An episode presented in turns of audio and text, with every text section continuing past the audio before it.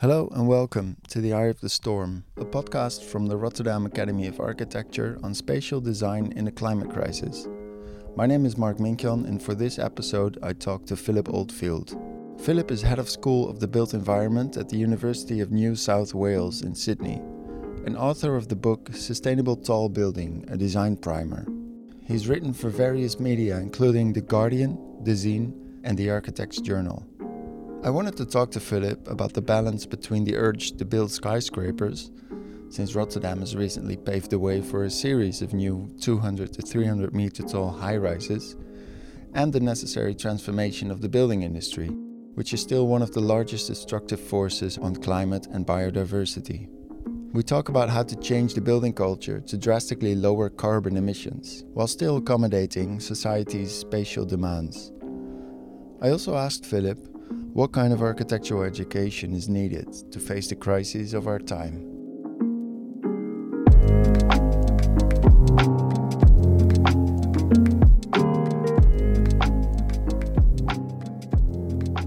Hey, Philip, thanks for taking some time to, to, to sit down and log in, talk to me. Um, how high up are you currently in, in the building that you're in? Not that high up. I'm on the second floor. I'm probably about eight meters up. But look, and a lot of people ask me this. I do live in a high rise block. I live at the ground floor of a high rise block, but I do live in a high rise block. So, well, maybe maybe to start off with that, how what are your feelings about high rise buildings in general?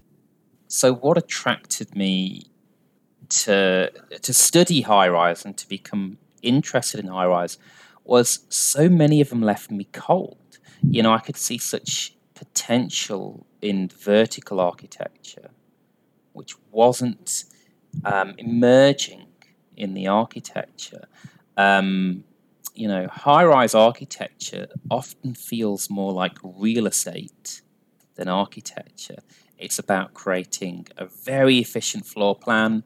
It's about wrapping that floor plan in, um, you know, kind of a facade that's very transparent, very efficient, maximizing the amount of money you can make. If you go back to the the 19th century, there's a famous skyscraper architect called Cass Gilbert, and he called the high rise the machine that makes the land pay.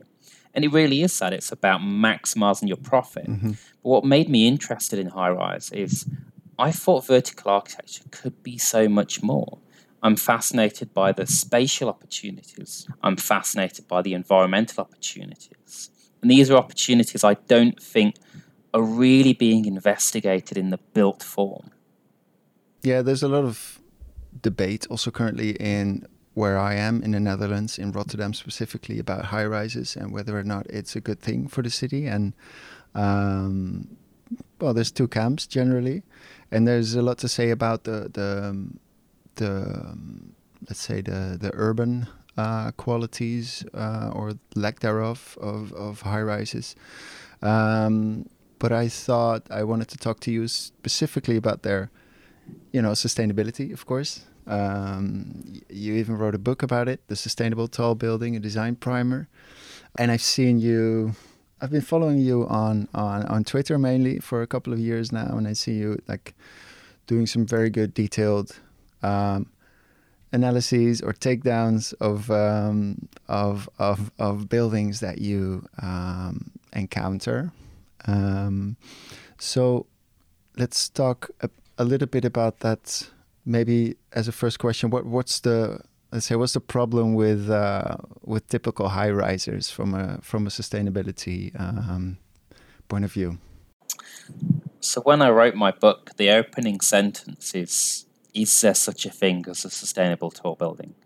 Because a lot of people say there's not. A lot of people think that tall building is inherently unsustainable. It's a kind of SUV of a built environment world. And I get that. I understand that. And, and really, you can measure sustainability in a number of ways, but let's look at a tall building and think okay, let's look at the operational energy of a tall building. And one of the things a tall building does is it rises above its surroundings. Um, and in doing so, the microclimate changes. It tends to be, the air density tends to be slightly lower at height, but you're exposed to more sunlight, you're exposed to more heat. Um, what that means is we would expect tall buildings to have more shading than low rise buildings, but they don't. They have more glazing. The upshot of this is in all the big studies that have been undertaken, looking at tall buildings versus, say, low rise buildings, tall buildings use more energy for operating than low rise buildings in, in general. Okay, so that's one kind of mark against tall buildings. Okay, let's look at the embodied carbon, the material emissions. When you build a tall building, the higher you go, the more material you need to resist against lateral stability, to resist against the wind loads. Um, and so, actually, embodied carbon increases with height. Well, that's another mark against tall buildings. So, operational carbon increases and embodied carbon increases. Now, that paints a pretty dim picture of tall buildings. For me, the only, or at least the main environmental case for tall buildings comes at the urban scale. And it comes through understanding density and proximity. In that, by building up, you can provide greater proximity to more people, to low carbon life cycles, to the civic infrastructure of the city, to public transportation, to um, you know, to walkability, to cycle routes. Now, tall buildings don't have to do that. And, and this is part of the problem with this debate. It's people think, oh, we have to have either Barcelona or Hong Kong. And in reality, no city wants to be um, a paradigm in that way. Cities are organic, they have topography. In some spaces, it makes sense to have six stories. In other spaces, it makes sense to have the 20, 30 stories.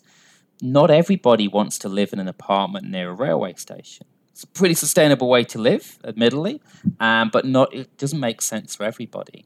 So really, the you know tall buildings, you know the big sustainability argument for them, a lot of it comes down to location. Where do you put them? At a planning level, that's probably one of the most important decisions regarding sustainability in high rise. Yeah. So how, do, uh, in terms of uh, embodied carbon, how does it compare to to let's say a mid-rise or a low-rise building? Mm. It could be, you know, 30 to 40% higher in a tall building mm. because of the structural changes, really. Um, there's a there's a quite famous graph um, that shows that as you build taller, your columns get slightly bigger, and they get bigger in a linear way. So uh, obviously, the column in a building, a ten-story building, is smaller than a column in a fifty-story building but not a huge amount smaller. The difference is that lateral stability. It's it's the cross bracing. It's having to make diagrids or transfer floors or transfer trusses. All these kind of things that that that tie the shear walls and all the building together. That requires an exponential increase in materials. So while whereas the the the vertical loads or the materials needed to accommodate the vertical loads increase linearly with height, the materials needed to increase, uh, needed to um, accommodate, sorry, the, the lateral loads increase exponentially with height. And that's why, you know, if you look at some of these buildings that are 300, 400, 500 meters tall, they spend months with them in wind tunnels because what they're trying to do is reduce that lateral load on the building so they can reduce materials in the building, not to save any embodied carbon, to save money. I mean, that's been the driver really in this. But yeah, I, I think an, a, a, typical figure might be that a, a 40 story building would have maybe 30% more embodied carbon than, say, a 10 story building. Hmm. hmm. You're distinguishing between, let's say, economic um, trade off or calculations and, mm. and, and carbon calculations. Do you think these two calculations are becoming more aligned? Because there seems to be more attention to it. And I, even when I look at, um, let's say, the annual reports of uh, construction companies or, or developers, they start uh, uh, including all these graphs about, you know, carbon emissions and how they're trying to, to bring it down. What do you think about that? This this increasing uh, attention to it there's definitely links between economic performance and, and, and carbon performance. So, um, if you dematerialize a building, Um, you can use you use fewer materials. That can have an economic benefit, and it can have an embodied carbon benefit. But that simplifies what is actually quite a complicated um, picture. If you go back 150 years, 100 years, and you look at buildings, they often were built with the absolute minimum amount of material. The steel was extremely fine. You know, um, they really limited the amount of material because 150 years ago, material was expensive and labor was cheap. So you could have lots of people on site building things, you know, steel was expensive, concrete was expensive. Now the exact opposite is true. Concrete is cheap and labor is expensive. So what we do now is we it might be more efficient to create a, a, kind of beautifully coffered slab where, like Pierluigi Nervi, um, you may have the forces um, cast in the concrete to develop a really organic kind of slab. That might be the most efficient thing to do from a material perspective. But from a labor perspective, it's incredibly inefficient. It's incredibly expensive. So what do we do? We put a 200 uh, mil slab across the entire building, flat slab, because it's cheap and we can get onto the next floor. So that's been one of the the shifts I think over the past 70, 100, 150 years, in that we build now for speed. We build now to get the building open and to get making money on it. Um, and so this relationship with, between economics and carbon is there, but it's not as simple as it might first seem. No, it might need even some like um, some fiscal incentives uh, first to, to actually have a direct relation. We, we had a carbon tax here in Australia and emissions started to go down. And then they got rid of the carbon tax and emissions started to go up. It's quite simple, um, really. Um, and maybe we can start to see carbon taxes on buildings. That might be a, a good initiative. Um, I, I, think to really decarbonize a building sector, you need to do two things. You need a bit of a bit of stick and a bit of carrot. So the stick would be we need to regulate whole life cycle carbon. We do need to say, okay, this is the absolute maximum carbon emissions a building can have. You know, we're going to draw the line here. But then to actually incentivize um, innovation, we could be saying things like, okay, look, the, the zoning envelope on this site says you can build a 60 meter tall building. If you can reduce emissions by 40% from below the baseline, we'll let you build an 80 meter tall. So, so things like that, and we know that works. You go to Singapore, Singapore has a regulation called LUSH. That's Landscape for Urban Spaces and High Rise. And that says you've got to have um, the green space of the site has got to be captured in the building. So if you've got a site of a thousand square meters, somewhere on the site in the building, you've got a thousand square meters of greenery. But if you start to go over that, you can build a bit higher. You can go be- beyond the zoning envelope. Now you go to Singapore, every building is lush now and green because they've really started to take advantage of that regulatory framework. Wow. Yeah, there's um, a couple of questions come up now because um, you talk about greenery on buildings, which is sometimes like more symbolical in terms of uh, let's say a mm. sustainability gesture. Yeah, maybe we can we can stick with that for uh, for a second. How do you feel about that? So let's look at greenery on buildings. It's um, you know, I'm torn. I'm a bit torn on it because the the, the buildings in Milan, you know, Bosco Verticale, um, they get a lot of stick. Mm-hmm. They get a lot of stick. A lot of people are saying, "Well, look, you're just sticking trees on skyscrapers," and actually, the concrete projecting balconies that support those trees, I would imagine the embodied carbon it, to create those concrete planters is higher than any benefit you're going to get from shading or any benefit you're going to get from um, sequestration, absorbing CO2 from the trees. I think, as someone who spends a lot of time carbon calculating, I think that's obvious. It's kind of true.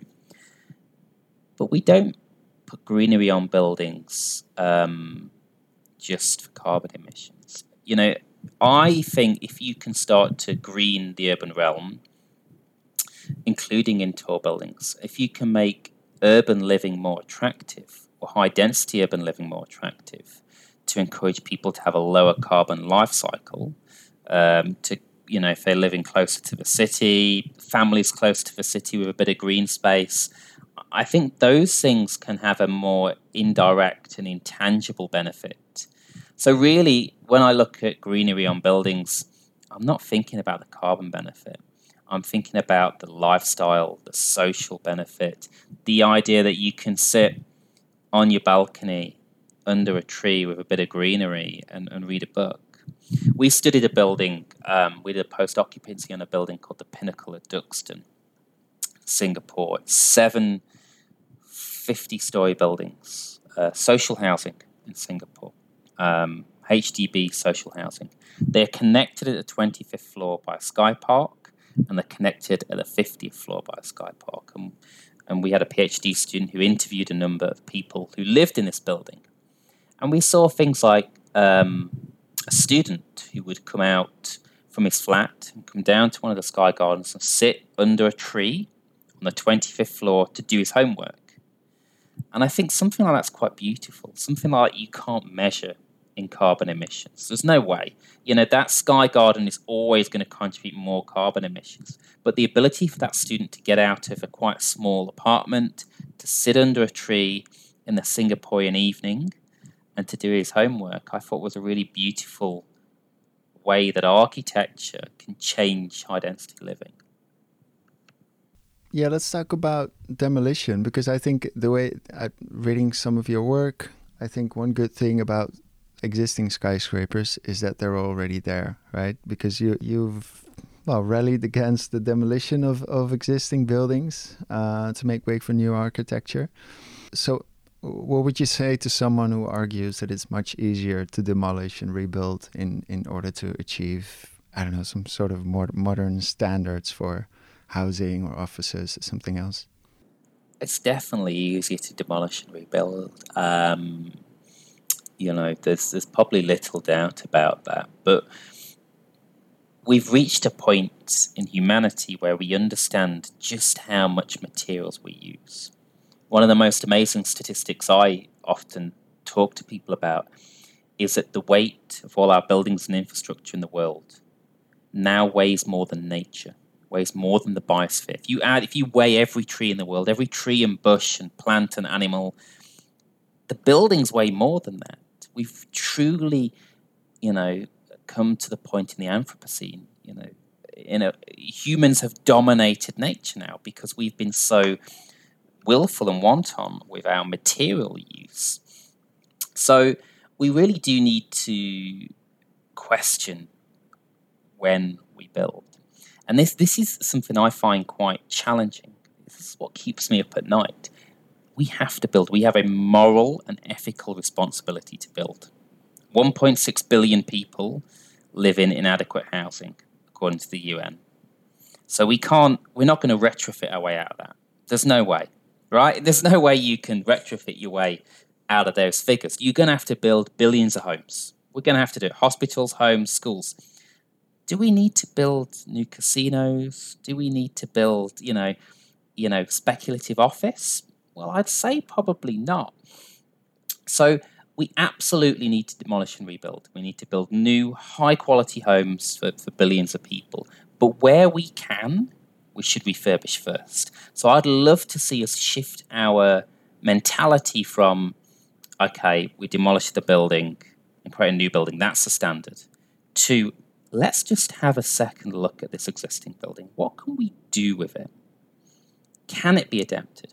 And we can adapt buildings now in you know 2022 in a much more um, innovative way than we could maybe two or three years ago. So we're seeing vertical extensions now, where you can use lightweight timber to build on top of existing buildings. And we're finding, in some of the research I'm involved in, is finding existing buildings, you can maybe build three or four stories on top of them if you use timber. So we can extend the original building to start with. We're seeing we can renovate and adapt in a much more innovative way. You look at the Quay Quarter Tower in Sydney, where they cut the front off a skyscraper and extended it. You couldn't do that 10 years ago. You would knock all the buildings down and start again. So our construction and digital technologies now allow us to innovate in a far more interesting way and allow us to create you know, quite fantastic architecture without just smashing everything to pieces and starting again. Hmm. So of course we're gonna we're gonna need to build, and in in certain places we're going to need tall buildings for sure to accommodate for whatever growth um, or migration, uh, etc., is, is, is happening. Um, I read your article on uh, Dezeen, which uh, came out recently. I think I think last month, right? The seven principles for yep, yep. designing low carbon skyscrapers. One principle that stood out for me is uh, how you talk about about glazing. Could you could you say something about that? Yeah, I think it's an obvious thing to do. You build a skyscraper, you know, you build up. It's a very kind of human thing in some ways to want to rise above the city. And then, therefore, you want to have fantastic views. So you glaze from the, you know, from the ceiling down to the ground because you want to have these max, you know, maximize the kind of views. I understand why that happens, but it's environmentally criminal to do that. I mean, and also we don't have eyeballs in our shins or in the top of our heads. It, it seems unnecessary. so my challenge is, you know, how can we create great views with only forty percent or fifty percent transparency? We know that in most climates, forty to fifty percent transparency is fine, and environmentally is probably optimal. You know, maybe even down to thirty percent, thirty to fifty percent. So the question is how can you you know capture those kind of views without much opacity. And it's relatively straightforward. You frame a view. You know we're architects. We're creative people. Give us a challenge. Okay frame some views. Create fantastic views and fantastic spaces with reduced amount of glazing. We should be able to do that. Yet we keep repeatedly returning to the fully glazed curtain wall. And i just think it's lazy. And i think there's so much more opportunity there to do really fascinating, really interesting, really um, vibrant facades that are not just plain glazing as far as the eye can see. Yeah, so the, the it makes me think about um, maybe architecture working from some. It feels like there's a shift happening, right? In in in terms of limitations, which are not necessarily only uh, like financial limitations, but also, mm. um, let's say, sustainable limitations, and that you know the, the, the most spectacular architecture maybe won't be. Uh, uh, let's say the the shiny spectacle on on the on the skyline, but will be um, appreciated for how it uh, deals with those limitations. For example, the, the, lower transparency, for example, or or the um, um, the way in which it, it retrofits uh, an existing building, or how it deals with yeah like bio-based or regenerative materials. Um, do you see do you see a lot of are you are you happy about the current let's say um, amount of uh, innovation that's going on uh, when you look at um, like I don't know, like uh, the architecture websites, uh, design blogs, etc. Mm. Partially, I am partially happy. Um, I feel we wasted ten years. Hmm. I do feel like the 2010 to 2020 was wasted in terms of building sustainability because um, we knew things in you know 2010 and everything just plateaued. Building regulations plateaued. Everything just stopped. And now all of a sudden, there's this real urgency. And it's incredibly challenging to achieve the change we need to make at the speed we need to make it. I, I am I'm buoyed by some of the changes we see. We see net zero concrete and cement emerging. We see new flooring systems emerging that take the absolute minimum amount of material necessary we, we're seeing new timber buildings on a weekly basis. I'm buoyed by all of this. I find it, you know, it excites me, it reassures me, but it's it's a tip of the iceberg. What we really need is that innovation to be hitting the everyday building. And I don't think it's there yet. I mean, we just look in Sydney, we're building tens of thousands of new houses here. They are all detached houses. Mm-hmm. They are in Western Sydney, where it's 45 degrees in the summer. They have no green space. They have dark roofs. You don't need to be a building physicist to understand the problem here. And just because a big, you know, website, a big design website features some fantastic timber building doesn't mean the vast majority of people are going to be living in fantastic timber buildings. This is the problem. You know, we see innovation at the top of the market, the top 1%. That needs to shuffle its way down very, very quickly. And the only way that happens is through regulation. Yeah. So let's talk about timber a little bit more because mm. um, mm. there are I mean, all across the world, there are the, you know, in every country has its first timber skyscraper currently rising or completed already. Um, what about like a full move to mass timber construction? I'd, I'd love to see a significant shift to mass timber construction. I don't think it's that's what we're going to see or that's going to be necessary. I just think, you know, our industry has been built of two materials for 100 years steel and concrete. And I think there's room for a third, possibly a fourth or a fifth. Um, I don't think. I, I love timber. I love the way it smells. I love the way it looks. I love the details and the jointing of it. But I don't want to be naive enough to think that timber's going to solve all our problems. You know, um, I think it will. There's no silver bullet in what we're trying to do. Timber will help. I also think we're going to see more load bearing stone multi story buildings. There's some fantastic work being done by Groupwork Architects on this. I also think we're going to start seeing more straw in three or four story buildings. I also, you know, I'm amazed by the cork house as well. I don't think there's enough cork out there to mass build from this, but what's clear is there's going to be no single solution. I also think steel and concrete are vital. We're not going to build the housing and infrastructure necessary um, for Africa, for South America, for the you know for for developing and highly urbanizing places without steel and concrete. Mm-hmm. So the the pushes for net zero steel, the pushes for very low carbon concrete are essential. And to be honest, what building can you build without concrete? Mm-hmm. You can maybe build a two story building on screw foundations. You're not going to get very far. So we're going to need concrete. We just need to use less of it. We just need to use less of it. Um, I think timber can play a remarkable role, but let's not put all our eggs in that basket. No, no, no, of course. And yeah. How, so how about that concrete? What's the potential and, and, and what's your hope for this net zero concrete or cement? It, it's probably one of the biggest challenges of this century. Um, so we're seeing, you know, small kind of 10 centimeter cubes of net zero concrete emerge. But um, even things like geopolymer concrete are extremely rarely used now because they're set in a different way.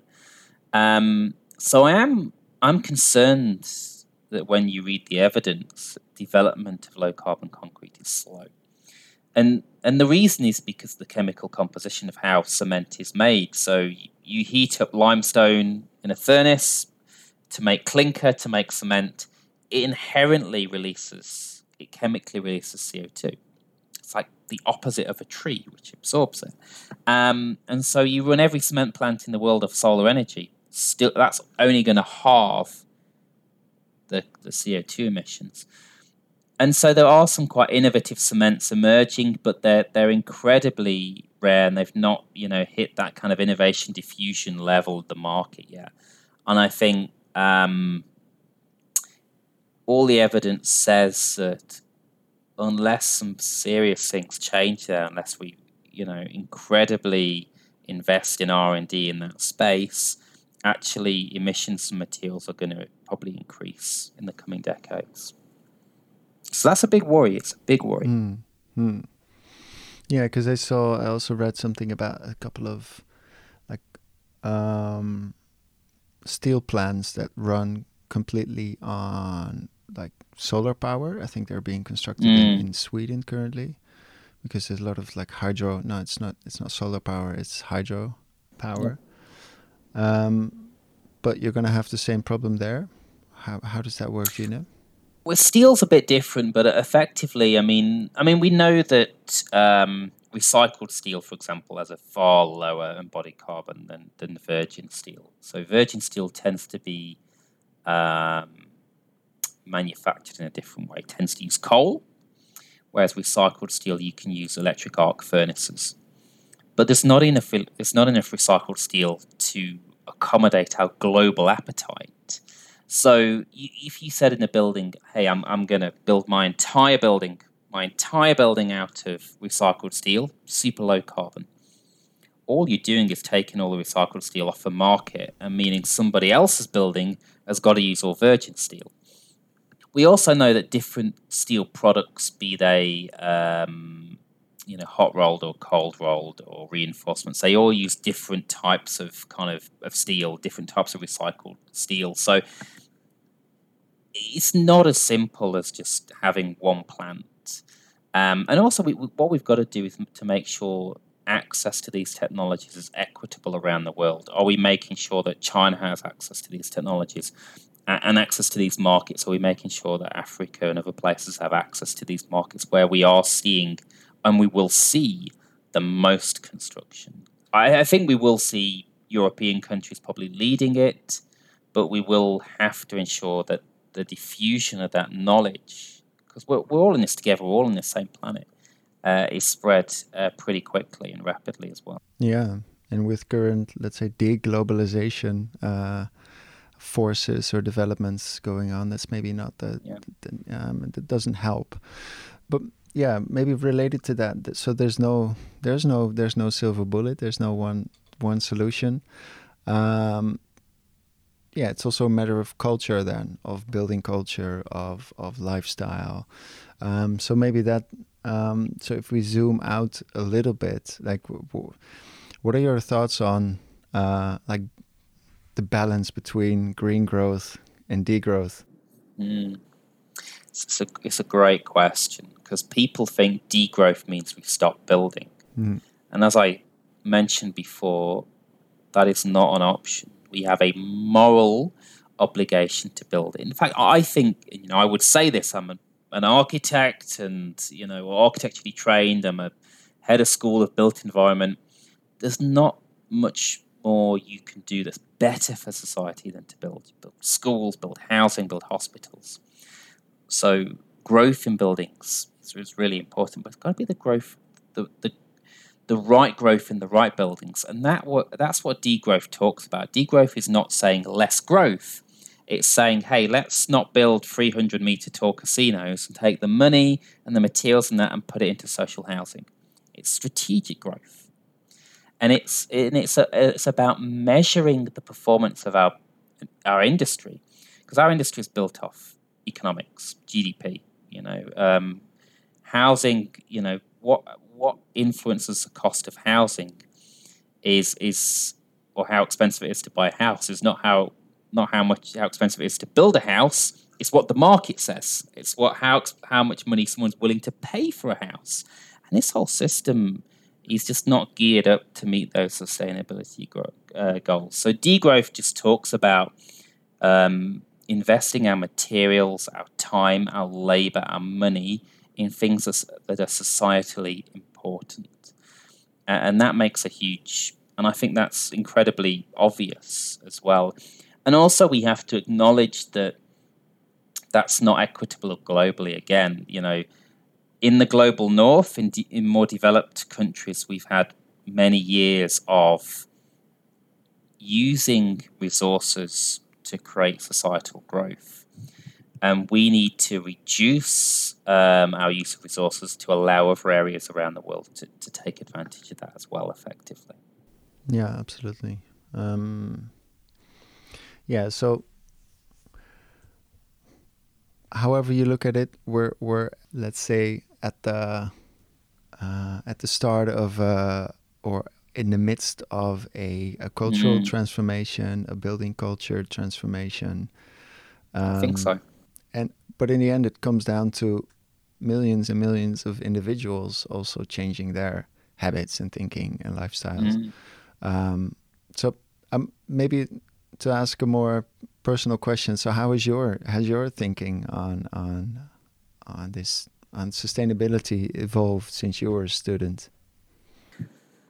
I was lucky in that I was taught at a university that took sustainability quite seriously. I, I mean, I have quite visceral memories of detailing out thermal bridges, spending hours going, no, we cannot project beyond the, the insulation. Um, my sustainability thinking has you know changed since then to be I'd like to think more holistic, to to go beyond you know thinking about the building as a product, um, a very sustainable product. How do we make it like um, you know an iPhone, very efficient, beautiful, sustainable in that way, but to to how to more systems thinking, to, to thinking you know do we need the building, asking the the more philosophical and softer questions as well. And I think that's really important for architectural education. That, that we train our students to think in those almost philosophical and conceptual ways. Um, too, I think. So, my, you know, I've I've changed things about my own lifestyle. We we live in a. I've got two small children. We live in a very small apartment, about sixty-eight to seventy square meters The average house size in a, a, house size in Australia is 220 square meters. And I think one of the most important things you can do is use less materials to live in a more compact way. And that works for me personally. It does work for me, but I can understand it might not work for everybody as well. Um, and so we're all going to have to make changes. I think changes to diet is another thing. So I've started to eat less meat. I do. I, I still eat meat. I'm not vegetarian. I'm not vegan. I could do more. Um, but I recognize now there's an individual and holistic kind of responsibility there. It's got to work at um, a societal level and it's got to work at the individual level as well. So you say that um, as head of school, you're the head of school at the um, University of New South Wales uh, Built Environment Department, and you just said that you are interested in also having this conversation with students about the more philosophical aspects yep. of whether or not you should build and and you know from there then how should you build so what how do you think um, architecture education should look like if it were mm. you know to address the the the big concerns of our time we, we know architectural education has to evolve, and it is evolving. I mean, can you imagine just three or four years ago, even having the conversation about talking to students about let's not build, let's not do this building, you know? So it's great to see that change. Now, I, I think architectural education has to change, and I think it has to change in two or three ways. In one way, we do have to be we have to be teaching the students the technical hard skills they need to navigate this. Whole life cycle carbon, digital skills to um, test structural performance, and um, digital skills to you know optimize buildings. These are hard, tangible things, and I think architectural education moved away from that for about 20 years, but it's really coming back now. So we have a studio in our Master of Architecture. Every single student does a whole life cycle carbon of their building in that studio.